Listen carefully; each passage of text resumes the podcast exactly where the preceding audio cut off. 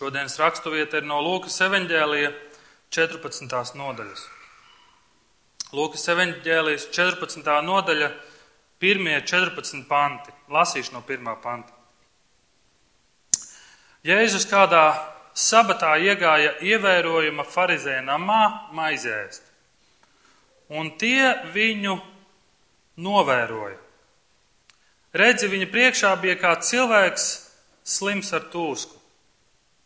Jēzus vērsās pie farizējiem un likuma zinātājiem un jautāja, vai drīkst sabatā dziedināt vai nē, bet tie klusēja.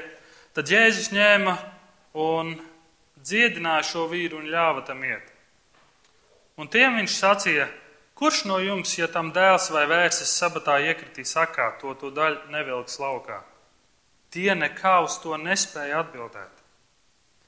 Tad viņš ievērojis, ka mīlestās aicinātie cenšas sev izraudzīties labākās vietas pie galda, stāstīja tiem līdzību. Kad tevi aicina kāzās, nesēdies goda vietā. Var gadīties, ka ir aicināts kāds cienījamāks par tevi, un ka viņam atnākot tas, kurš aicinājis jūs abus, tev sacīs, dod vietu viņam un tad tev ar kaunu būs jāieņem pēdējā vieta. Bet, kad tevi aicina, ej un apsēdies pēdējā vietā, lai tas, kas tevi aicinājis, pienācis tev sacītu, draugs, kāp augstāk, tad tu būsi paaugstināts visu viesu priekšā. Jo katrs, jo katrs, kas sevi paaugstina, tiks pazemināts. Un kas sevi pazemina, tas tiks paaugstināts. Viņš sacīja arī tam, kas viņu bija aicinājis, ka tu rīko pusdienas vai vakariņas. Neaicini nec savus draugus, nec brāļus, nec radus, nec bagātus kaimiņus, kā arī viņi tevi neaicinātu un nenotiktu savstarpējā atlīdzināšana. Bet, kad tu rīko mīlestību, aicini nabagus, tīzlus, kroplus, aklus, un tu būsi laimīgs, jo viņiem nav ar ko tev atlīdzināt. Tev tiks atlīdzināts pie taisno augšām celšanās. Āmen. Lūksim Dievu. Debes Tēvs, mēs kā draugi esam pateicīgi par to, ka Tu esi mūs veidojis. Un mēs pateicamies par Bībeli, pateicamies par Tavu vārdu un pateicamies par šīs šodienas mīlestību, kurā mēs paliekam. Es lūdzu, ka Tu runā uz mums un Mēs pateicamies par to, kā tu lieto mūsu draugu lieto mūsu lielam, lielam plānam. Paldies, ka mēs varam būt daļa no tā. Es lūdzu, ka tu nomierini manu sirdi, nomierini mūsu sirdis, lai tajā ir vakums, lai tajā ir vieta ienākt tavam vārdam, nosēsties un palikt tur. Jā, Tēvs, to es lūdzu Jēzus Kristus vārdā. Āmen.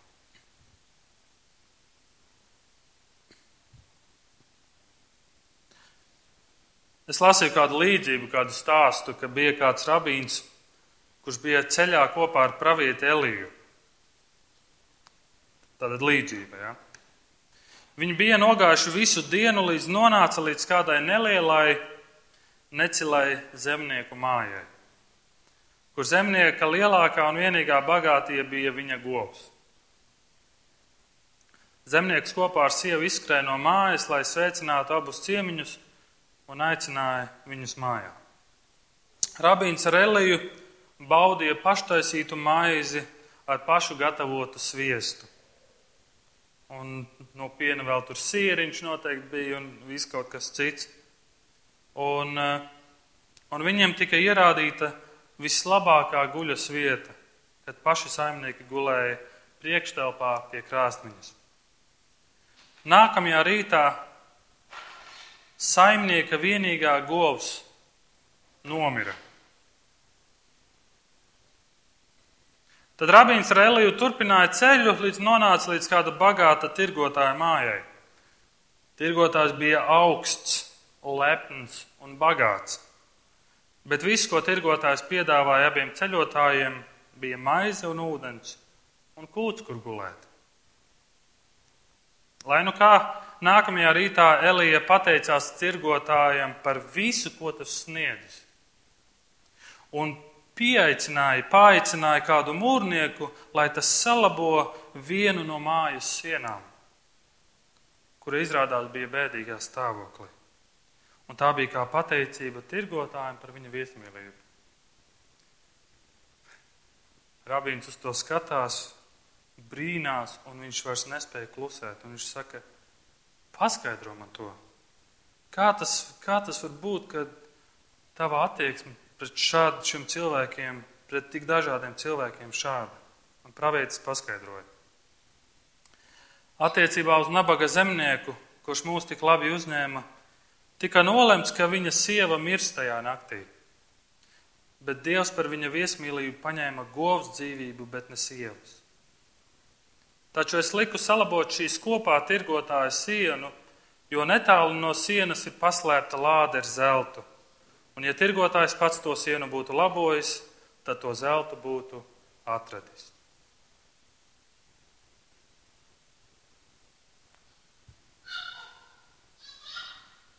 Jēzus Kristus, kad mēs lasām jauno darību, mēs redzam, Jēzus ļoti daudz runā par debesīm. Viņš ļoti daudz runā par debesu valsti, viņš ļoti daudz runā par savām mājām. Tāpēc, ka viņa mājas ir kaut kas, kaut kas īpašs. Jums patīk jūsu mājas? Jā, varbūt kāds teiks, man ir maziņš dzīvoklīts, vienistabas dzīvoklīts, kas tur var patikt. Varbūt kāds teiks, Man ir ideāls viens stabas dzīvoklīts. Šodien ir skaisti teikt, vintage dzīvoklīts, vai ne? Un es pie tā ļoti strādāju. Kādam varbūt ir liela māja, un tu saki, mana māja ir vieta, kur es dodos, un tā ir vieta, kur es atpūšos. Tā ir vieta, kur es relaksējos no visa, visa. Un tas ir labi. Tas ir paldies Dievam, jo tā ir. Un Jēzus runā ļoti daudz par debesu valstību. Viņš runā par savām mājām, viņš runā to, cik cik labi tur būs. Un arī šeit, Lūkas evanģēlijā, kur mēs esam, Jēzus norāda uz debesīm, debesu mājām, uz debesu valstīm. Un, un viņš runā par to, kurš tad tajā tiks, kurš nē. 13. nodaļas beigās ir šaurie vārti, kurš tad par tiem ieies, kurš neieies. Un Jēzus grib, lai mēs kā draudzene esam kā atspulgs tam, ko tad mēs debesīs varam sagaidīt. Kā mēs tāds vēstnesis tam, kas būs šīs debesu mājas. Un šodien mums ir, mums ir tik daudz vajadzības. Un tad, kad tu lasi ziņas, tu redzi, ir slimības, ir visādas kaitas, bērni bez vecākiem, nabagi, cietušie, Jordānija, Sīrija, Āfrika, vēl lērums dažādu lietu varētu nosaukt. Un tāpat laikā ir arī dažādas organizācijas, kas kaut ko mēģina darīt un palīdzēt risināt šīs problēmas un palīdzēt noteiktai cilvēku grupai. Un mēs noteikti esam dzirdējuši, laikam, jaunajā gadā, kad ir kāds anonīmais, kurš noziedo vienu miljonu slimnīcai vai Un ir daudz tādi anonīmie, kuri noziedo. Un ir daudz uzņēmumu, kuri, kuri regulāri ziedo. Bet netrūkst arī gadījumu, kad mēs redzam, ka daudz uzņēmumu arī to dara sautīgu iemeslu dēļ. Sautīgums. Ikvienā no mums mājo kaut kas no tā.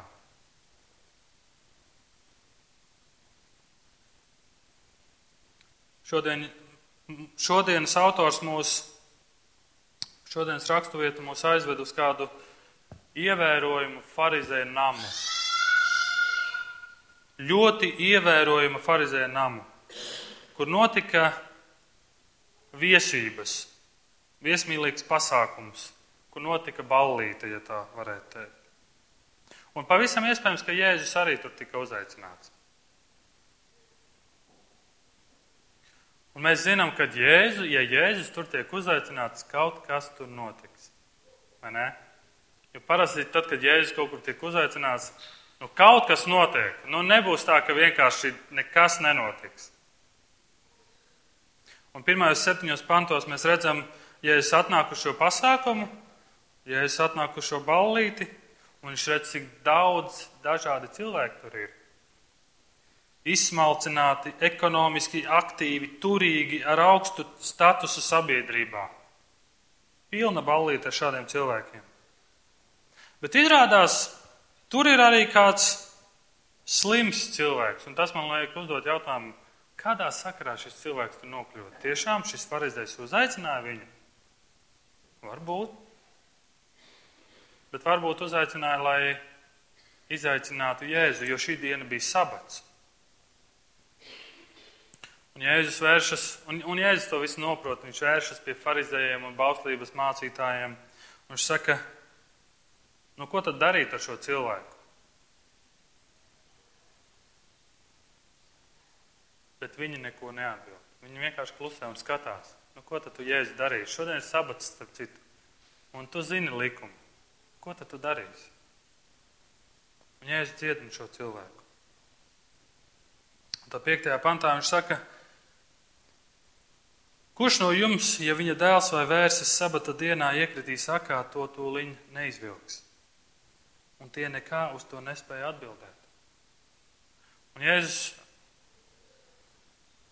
Jēzus atmasko viņus un parādīdams viņam saka, ja šis jautājums būtu personīgs jautājums, ja šis jautājums būtu par tavu dēlu, vai par tavu vērsi, vai par tavu mašīnu, vai jebko, kas attiecās uz tevi, tu neklusētu. Viņš at, at, atkal atmasko viņu sautīgumu, viņu sirds cietību, viņu attieksmi. Bet ar to ballīt nebeidzas. Jēzus, ja tā varētu teikt, uzņemas atkal vadību un viņš atkal ballītē runā. Jums ir tā bijis, ka tu aizjāji uz ballīti un tu uzņemies vadību, un, un tev neviens nav teicis, vadi šo ballīti vai runā, bet tu vienkārši saki runu. Tev ir kāds tā teicis? Un Jēzus saka, saka šo piemēru no 7. panta. Ja tu mīlestā tiek uz, tiec uzaicināts, nesēdies uzreiz pirmajā rindā. Nesēdies uzreiz tādā cienījamā vietā ka tu netiec pazemots.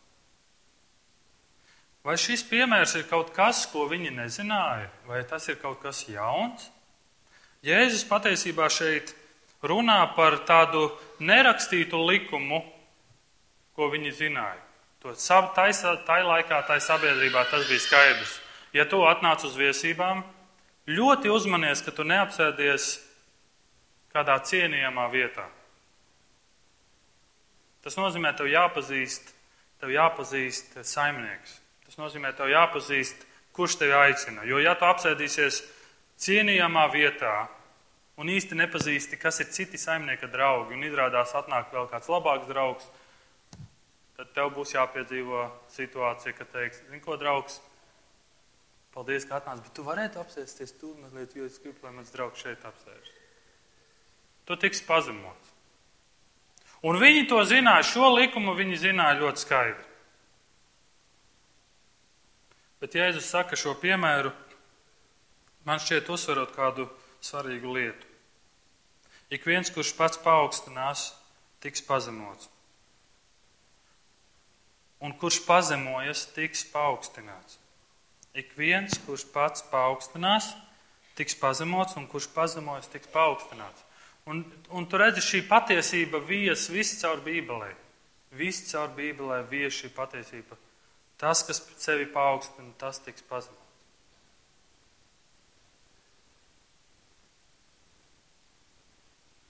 Man liekas, tā, tā, tā ir ar mums pašiem. Mēs tik ļoti cenšamies piederēt kādai konkrētai grup, cilvēku grupai. Mēs gribam būt piederīgi, un, un, un tādi mēs esam radīti, jo mēs, gribam, mēs esam sociāli cilvēki, mēs gribam būt piederīgi, mēs gribam, lai mūs novērtē, mēs gribam, lai mūs pieņem. Bet, ja tu centies par visu varu, būt kādā iekšējā lokā, lai tikai iegūtu atzinību, un tas ir viss pēc kā tu ilgojies, beigu beigās pretī tu nesaņemsi neko. Tas ir laika jautājums. Taču, ja tu esi kādā grupā, kādā cilvēku lokā, un tev neinteresē tas, ko citi par tevi teiks, vai atzīst tevi vai nē, bet tu šiem cilvēkiem kalpo,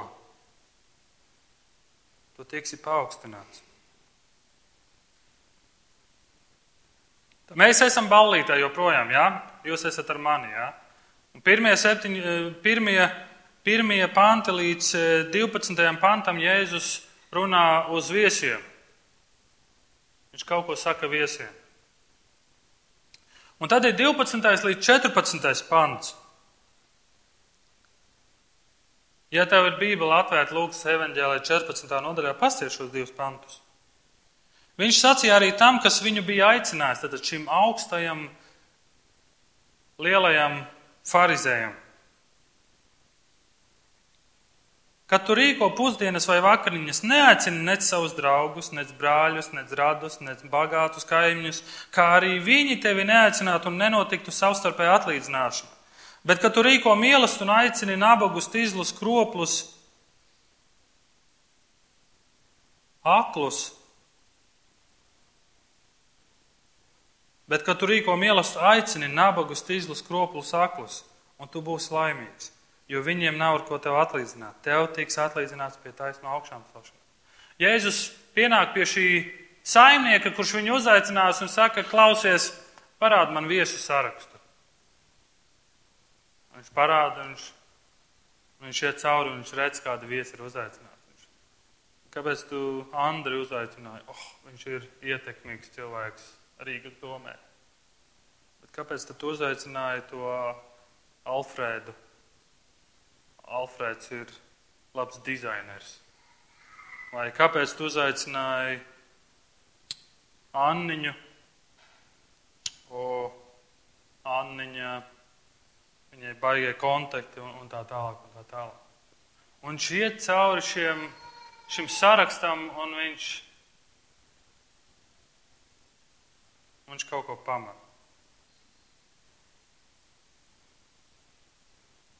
Kad tu domā par šiem pantiem, ka Jēzus saka, neaicini savus draugus, savus brāļus, savus rādus, bagātus kaimiņus, bet kad notiek viesības, aicini nabagus, kroplus, tīzlus, aklus. Mazliet apstāsimies šeit. Padomā par šiem pantiem. Kad tu izlasi pantu, ko, kad Jēzus saka, aicini nabagus, kroplus, tīzlus, aklus, kas ir pirmais, par ko tu domā? Kas ir pirmais, ko mēs parasti domājam? Ko tas nozīmē grieķu valodā? Nu, Interesanti, ko tas varētu nozīmēt grieķu valodā. Aicini nabagus, vai ne? Vai arī mēs domājam, tas nozīmē noteikti garīgi ieaicināt savā sirdī nabagus, vai ne? Ieaicināsim, nu, lai tas viss ir garīgi, jo Jēzus runā tikai par garīgām lietām. Un tad mēs ejam pa ielu un ieraugam nabagu un ejam garām, saka, es tevi ieaicinu savā sirdī. Vai to Jēzus domā? Vai to Jēzus saka? Labi, labi. Raimunds, te baigi jokojas, jūs teiksiet.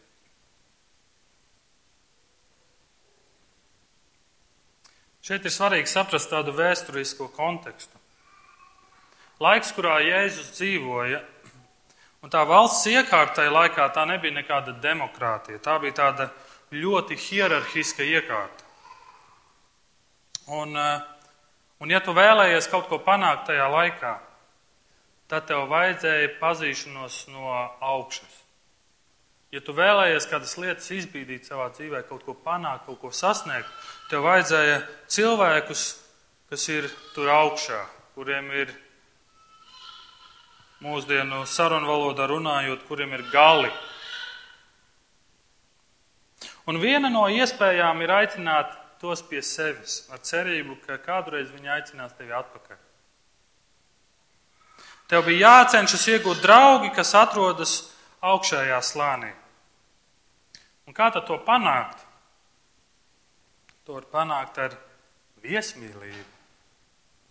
Ja tu esi viesmīlīgs, tad tu to vari panākt. Uztais ballīt un uzaicini šos cilvēkus pie sevis. Un iespējams tev izveidosies kontakti. Iespējams, kāds izlasa šeit un saka, kā tas ir, ko tu domā, neaicini nec savus draugus, nec brāļus, uh, radus, nec bagātus kaimiņus. Un šeit jāsaprot, ka kādā, kādu piemēru šeit Jēzus runā, vai jebkādā veidā viņš šeit runā. Jūs atcerieties, Jēzus ir vienā brīdī, Jēzus runā par to, ka nīsti, Jēzus izteiksmes veids ir uh, nīsti Ja kāds neienīst savu tēvu vai māti, tas nevar, nevar būt mans māceklis, tas nevar būt mans sekotājs. Un kāds izlasa to un domā, ko tu domā? Tu domā, man jānīst savus tēvs un māte. Bet viņš nesaka nīsti savus vecākus. Bet viņš saka, lai tava nodošanās Kristum ir tik daudz lielāka, ka salīdzinājums pret vecākiem izskatītos kā nicināšana ka tu nododies tik daudz vairāk Kristum, ka salīdzinot ar to, kā tu attiecies pret vecākiem, tā izskatītos varbūt nicināšana. Un arī šeit Kristus nesaka, ka tad, kad tu kļūsti kristietis, aizraksti ēpastu visiem, aizraksti ēpastu draudzes padomē un pasaki, no šī brīža es kļuvu kristietis, es nevienu neaicināšu savās mājās. Tāpēc, ka rekur ir pants neaicini savus brāļus un savus māsas, vai ne? Ne savus draugus, ne radus, vienkārši tu nošķiries, vai ne?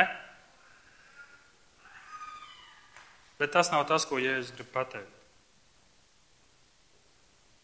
Jēzus runā par viesmīlību. Viņš runā, cik svarīgi ir viesmīlība. Bet ne par vienkāršu viesmīlību. Viņš saka, viņš aicina, ka mēs domājam kā praktizēt evaņģēlīju viesmīlību. Romiešiem 12. nodaļā ir šādi panti. Esiet izpalīdzīgi svētajiem viņu vajadzībās. Tiecieties būt viesmīlīgi. Svētiet tos, kas jūs vajā. Svētiet un nenolādiet. Priecājieties līdz ar priecīgajiem, raudiet ar tiem, kas raud, izturieties vienādi cits pret citu, nedzenieties pēc augsta goda, bet sājieties ar zemajiem. Neesiet pašgudri, neatmaksājiet ļaunu ar ļaunu, bet pūlieties darīt labu visu cilvēku priekšā. Esiet viesmīlīgi. Kristus aicina uz viesmīlību. Ebrejiem 13.2. Neaizmirstiet viesmīlību, jo daži ar to pašiem nezinot, savos namos ir uzņēmuši eņģeļus. Esiet viesmīlīgi. 1. pēdra 4.9. Esiet viesmīlīgi cits pret citu bez kurnēšanas. Esiet viesmīlīgi.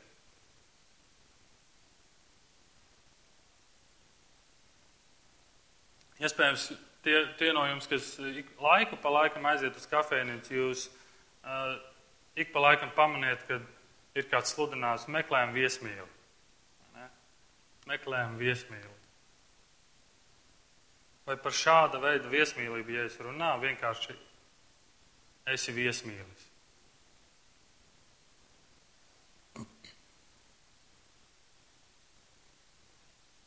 Un es gribu tādas trīs lietas varbūt iezīmēt, ja trīs aicinājumus. Kāda varētu izskatīties šī evaņģēlīja viesmīlība? Un es godīgi teikšu, es nesaku, ka tas ir viegli man pašam to teikt. Un nebija man viegli arī šo uzrunu gatavot. Bet pirmā lieta - aicini cilvēkus savā dzīvojamā telpā. Aicini cilvēkus savās mājās. Tātad mājas, kā jau mēs runājam, ir vieta, kur tu atpūties. Tā ir vieta, kur tu relaksējies. Tur, kur tu jūties savā mazajā idilē, tu jūties, es esmu mājās. Nu, jā, bet ko man darīt, ja man, man, manas mājas ir necela vietiņa, kur es īrēju? Bet tomēr tās ir tavas mājas. Un, kad tu ieeicini cilvēkus tajā, tu parādi viesmīlību. Iespējams, tā var būt arī tava mīļākā kafejnīca, kur tu aizej un tu vari relaksēties. Bet nespēlēsimies ar šo un neteiksim, Nu, labi, es izvēlos kafejnīcu, jo tā ir ērtāk un tā ir labāk.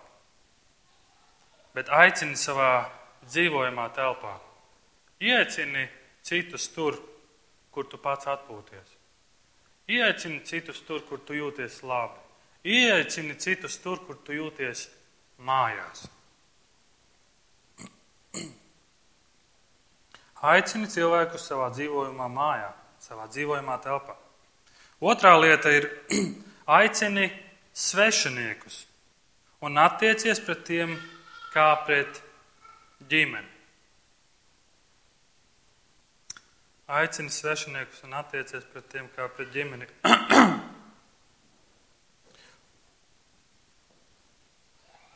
un šeit varētu iezīmēt eh, tādas divas apakšlietas, kad šī viesmīlība ir iepratim citiem kristiešiem un kaimiņiem. Un tad tu varētu teikt, bet pagaidi, pagaidi, vai tad citi kristieši ir svešinieki? Paskaties, lūdzu, apkārt un pasaki, cik daudzus tu pazīsti. Pasaki, cik daudzus tu tiešām vari teikt, es tevi pazīstu, es tevi zinu.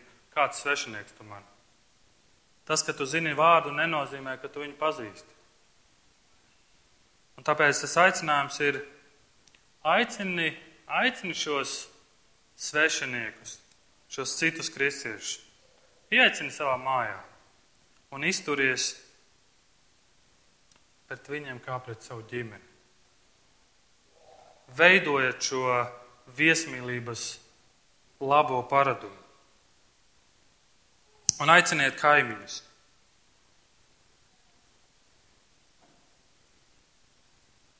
Ko nozīmē kaimiņš? Kaimiņš nozīmē tas, kurš dzīvo tev blakus, vai tuvu tev līdzās, vai pretējā mājā. Vai kaimiņš varētu būt tas, ar kuru tu kopā strādā. Un redzi, šī tā lieta, ko Jēzus ļoti, ļoti daudz darīja un farizēja viņam to pārmeta. Kāpēc tu ēd ar prostitūtām, kāpēc tu ēd ar muitniekiem, kāpēc tu ēd ar grēciniekiem? Kāpēc tu to dari? Un Jēzum visu laiku šis bija pārmests. Bet ja mēs sakām, ka mēs esam Kristus sekotāji, tad mums būtu jādara tāpat, vai ne? Un trešā lieta. Tātad pirmā ir aicina cilvēkus savā dzīvojamā telpā, aicina svešiniekus, kas ir citi kristieši, kas ir kaimiņi, un varbūt ne tikai tie. Un trešā lieta - mīli svešiniekus, jo kāds no viņiem var kļūt par tavu draugu. Ebrejiem 13.2, ko mēs lasījām, neaizmirsti viesmīlību, jo daži ar, tiem, ar to pašiem nezinot savos namos ir uzņēmuši eņģeļus. Pirmā mūzes 18. nodaļa ir Ābrahāms, kurš uzņem trīs vīrus un izrādās uzņēmis eņģeļus.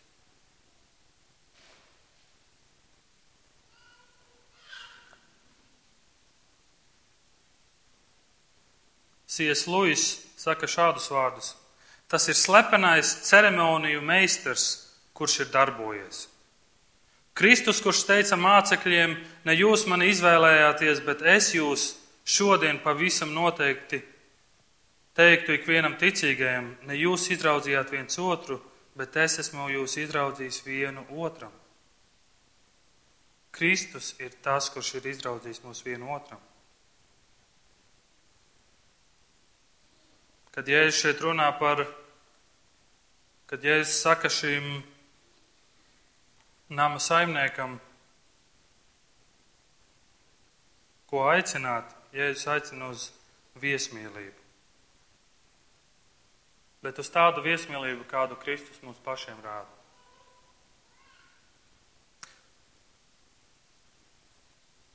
Aicin viens, aiciniet viens otru savās mājās.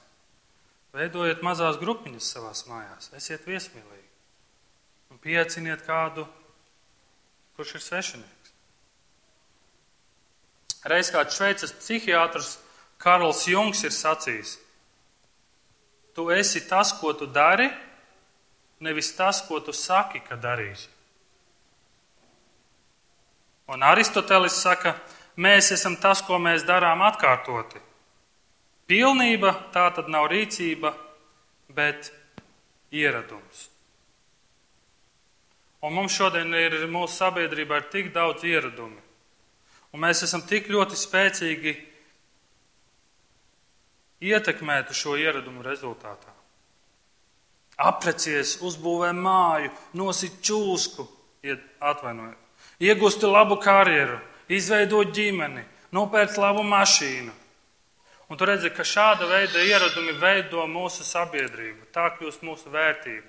Tas ir tas, pēc kā mēs tiecamies, tāpēc ka šie ieradumi pārāžas ir tik spēcīgi iestrādātas lielākā daļa sabiedrībā. Kā būtu, ja mēs sāktu veidot citus ieradumus?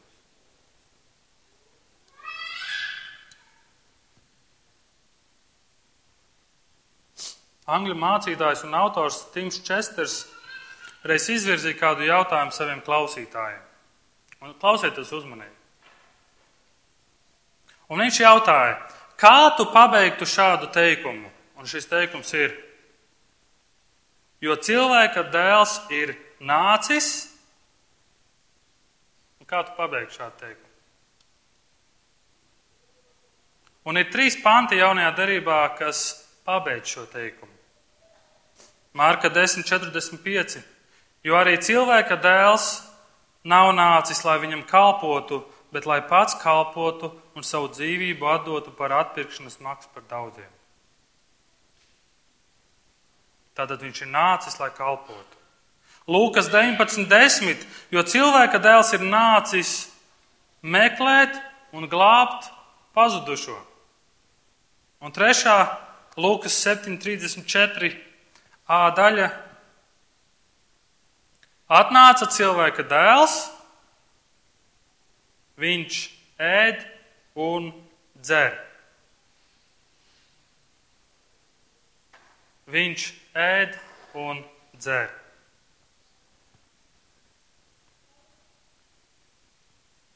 Kāds teoloģijas pasniedzējs Austrālijā ir sarakstījis grāmatu Pārsteidz pasauli, viņš šajā grāmatā raksta šādus vārdus: Ar galda starpniecību mēs saprotam, kas mēs esam, no kurienes mēs nākam, ko mēs vērtējam un kam mēs ticam. Pie galda mēs saprotam, ko nozīmē būt ģimenei un kā dzīvot atbildīgi un mīlestības attiecībās.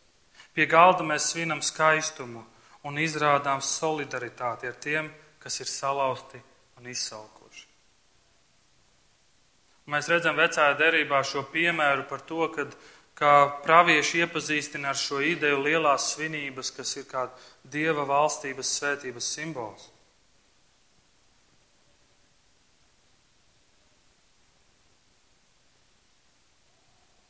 Viesmīlība galds. Šorīt es ar savu meitiņu braucu uz baznīcu, mēs iebraucām kādā mūsu mīļākajā kafejnīcā. Lai es nopirktu kafiju un meitiņu nopirktu kakao. Un mēs iegājām šajā kafejnīcā, mēs redzējām kādu, man patīk šis skats, kā cilvēki sastūmuši galdus kopā un viņi kaut ko svin. Viņi ēd kopā, viņi runā kopā, viņi dalās kopā, viņi kaut ko svin. Jūs zināt, un es braucu uz dievkalpu, un es zinu, ka man par kaut ko tādu jārunā, un es domāju par šiem pantiem. Un kā būtu, ja viņi ieaicinātu kādu svešinieku? Kā būtu, ka viņi ieaicinātu kādu, kurš viņiem nevar atmaksāt? Kādu, kurš viņiem nevar, nevar tāpat uzaicināt pie galda? Kā tas būtu? Kā tas būtu ieaicināt kādu? Un es domāju, tas ir tik skaisti. Un, un mēs ļoti daudz laika pavadām ēdot. Cik reizes dienā jūs ēdat? Sakiet, godīgi, kurš ēd piecas reizes dienā, paceliet roku. Okay. Kurš ēd četras reizes dienā? Okay. Jā, kurš ēd trī, vismaz trīs reizes dienā? Malači ir veselīgi ēst vismaz trīs reizes dienā. Bet ir, es esmu dzirdējis, ir labi ir ēst mazāk un ēst biežāk. Vai tu esi kādreiz saskaitījis, cik reizes nedēļā tu ēd? Cik reizes nedēļā tev ir ēdienreizes? Nu, ja pieņemsim trīs, trīs reizes septiņi ir 21. 21 ēdienreiz nedēļā. Kā būtu, ja trīs no tām, ja trīs no ēdienreizēm, tu ieaicinātu kādu svešinieku klāt? Un kā būtu, ja vismaz reizi nedēļā tas būtu kāds, kurš nav no tavas draudzes? Kāds, kurš varbūt nav ticīgais? Kā būtu, ja tu izrādītu šo viesmīlību? Kas mainītos?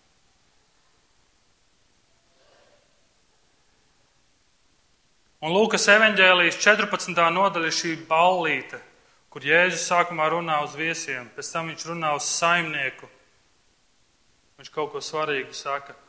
Un pēc tam tālāk ir no 15. panta viņš tālāk runā par kādu līdzību. Viņš stāsta atkal līdzību un viņš, viņš runā uz mums. Un viņš runā par to, kad Nama saimnieks aicināja uz viesībām cilvēkus, un viņi atteica. Kāds teica, es nevaru, es bulli pērku, tur vērsi, kāds tur precēsies, kādam tur zeme jāpērk. Un viņš saka, viss. Viņš saka, ved visus, kas ir uz ielām. Ved visus šo balli. Un tas, ko es ieraugu, ka Cilvēks, kurš var nopirkt zemi, viņš ir diezgan turīgs, viņš ir diezgan svarīgs un varētu būt diezgan aizņemts. Cilvēks, kurš precās, laimīgs cilvēks, vai ne? Viņš var precēties. Paldies Dievam! Cilvēks, kuram jā, jāpērk vērsis. Mēs varētu teikt, tie ir ļoti svarīgi cilvēki, bet viņi ir aizņemti priekš Dieva. Viņi ir aizņemti priekš Dieva. Vai tu esi aizņemts priekš Dieva? Vai tev ir laiks šai viesmīlībai?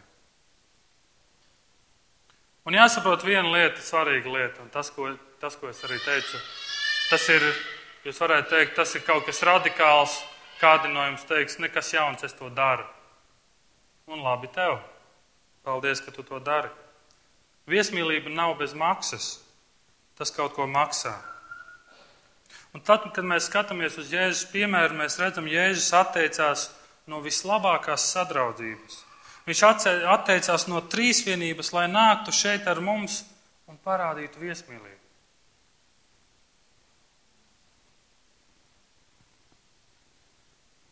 Un Jēzus nāca nevis kā tāds, kurš nāk pirkt zemi, nevis kā tāds, kurš nāk pirkt vērsi. Bet kā viņš nāk? Viņš nāk kā nabaks, kā bezpajumtnieks, kurš dzimis kūtī.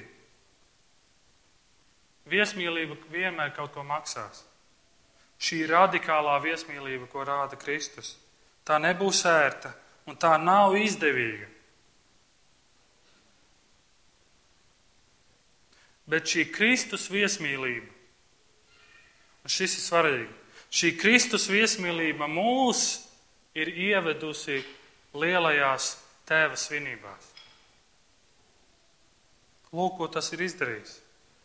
Un kas tad mums jādara? Mums jādara tāpat. Ja mēs mīlam cilvēkus un vēlamies arī viņus redzēt šajās svinībās, mums jādara tieši tāpat. Mums jābūt viesmīlīgiem. Mums jārāda šī mīlestība un, un jāaicina svešiniekus Tādi, kuri varbūt mums nevar atmaksāt. Nabagus, tīzlus, kroplus. Un šai brīdī, kad es to saku, es, es sāku domāt, kādā sabiedrībā es apgrozos. Un man, man, man ļoti patīk šī sabiedrība. Es mīlu šo sabiedrību. Un, un mēs satiekamies, mēs runājam par gudrām lietām, mēs runājam par teoloģiskām lietām, mēs runājam par labām lietām un es satiekos ar cilvēkiem, kur, no kuriem es daudz varu mācīties, un es gribu ar tādiem tikties. Un tad es domāju, cik bieži es esmu ticies ar tādiem, kuri nevarētu varbūt būt labi pat sarunas biedri, kuri nav pašpārliecināti, kuri bailīgi, kuri domā, kā es to varēšu atmaksāt, kuri ir ar mazvērtības kompleksiem, kuri ir nabagi. Un tā kā Girts teica, vai mēs paši esam bagāti, mēs domājam, ka mēs esam bagāti. Bet Dievs mūs ir aicinājis. Kristus mūs ir aicinājis, jo Viņš redz, ka nu, nabaks tu esi.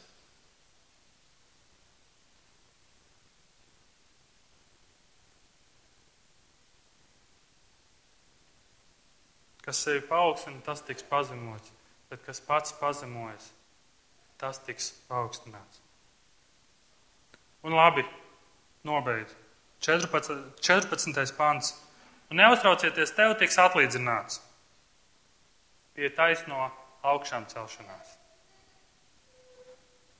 Tev tiks atlīdzināts pie taisno augšām celšanās. Un tu varbūt teiksi, tad tur gan liela, liela lieta, vai ne? Man tiks atlīdzināts pie taisno augšām celšanās. Par ko tu tur runā? Es gribu tagad rezultātu, es gribu tagad kaut ko redzamu saņemt un saprast un ieraudzīt. Es gribu tagad. Un mēs dzīvojam tādā laikā, kad eh, informācija ir tepat pirkstu galā. Nospied, paskrolēt, tepat informācija ir vai nē. Un mēs labprāt atbalstam Jordānijas projektu, mēs atbalstam kaut kādus projektus, kur mēs uzreiz redzam rezultātu, vai ne? Un tur redz, cilvēki ir kā, un cilvēki gatavi atbalstīt un iesaistīties, un tas ir labi. Tāpēc, ka mēs uzreiz varam redzēt rezultātu. Jā, dāvaniņas aizgāja, un tas notika, un, un mēs dzīvojam tādā sabiedrībā, mums ir tāda domāšana.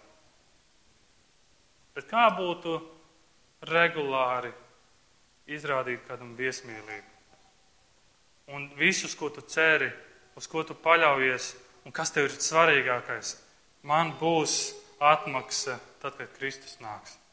Pie taisno augšām celšanās. Kā būtu, ja tas būtu pats svarīgākais? Nekas cits. Nekas, ka man nenovērtēs. Nekas, ka par mani nerakstīs vai neuztaisīs selfiju Instagramā. Tas nekas. Es gribu viņam kalpot. Es gribu būt viesmīlīgs. Jo var būt kāds, kļūs par manu draugu un viņš ies ar mani kopā šajās svinībās. Kā būtu, ja tas notiktu?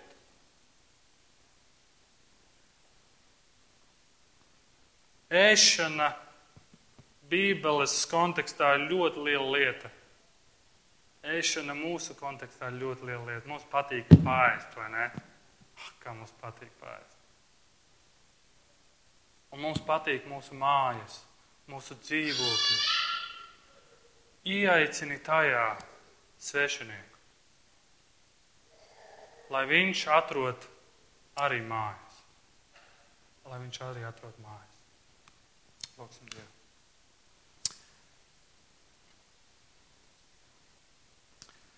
Jā, debes Tēvs, šis vārds šodien priekš manis nav viegls un vienkāršs Tēvs, bet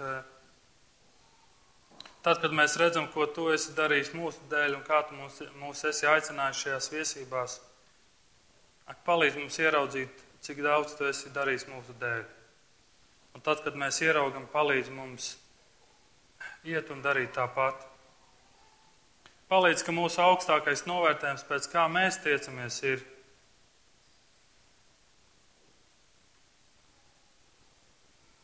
novērtējums pēc ticīgu augšām celšanās.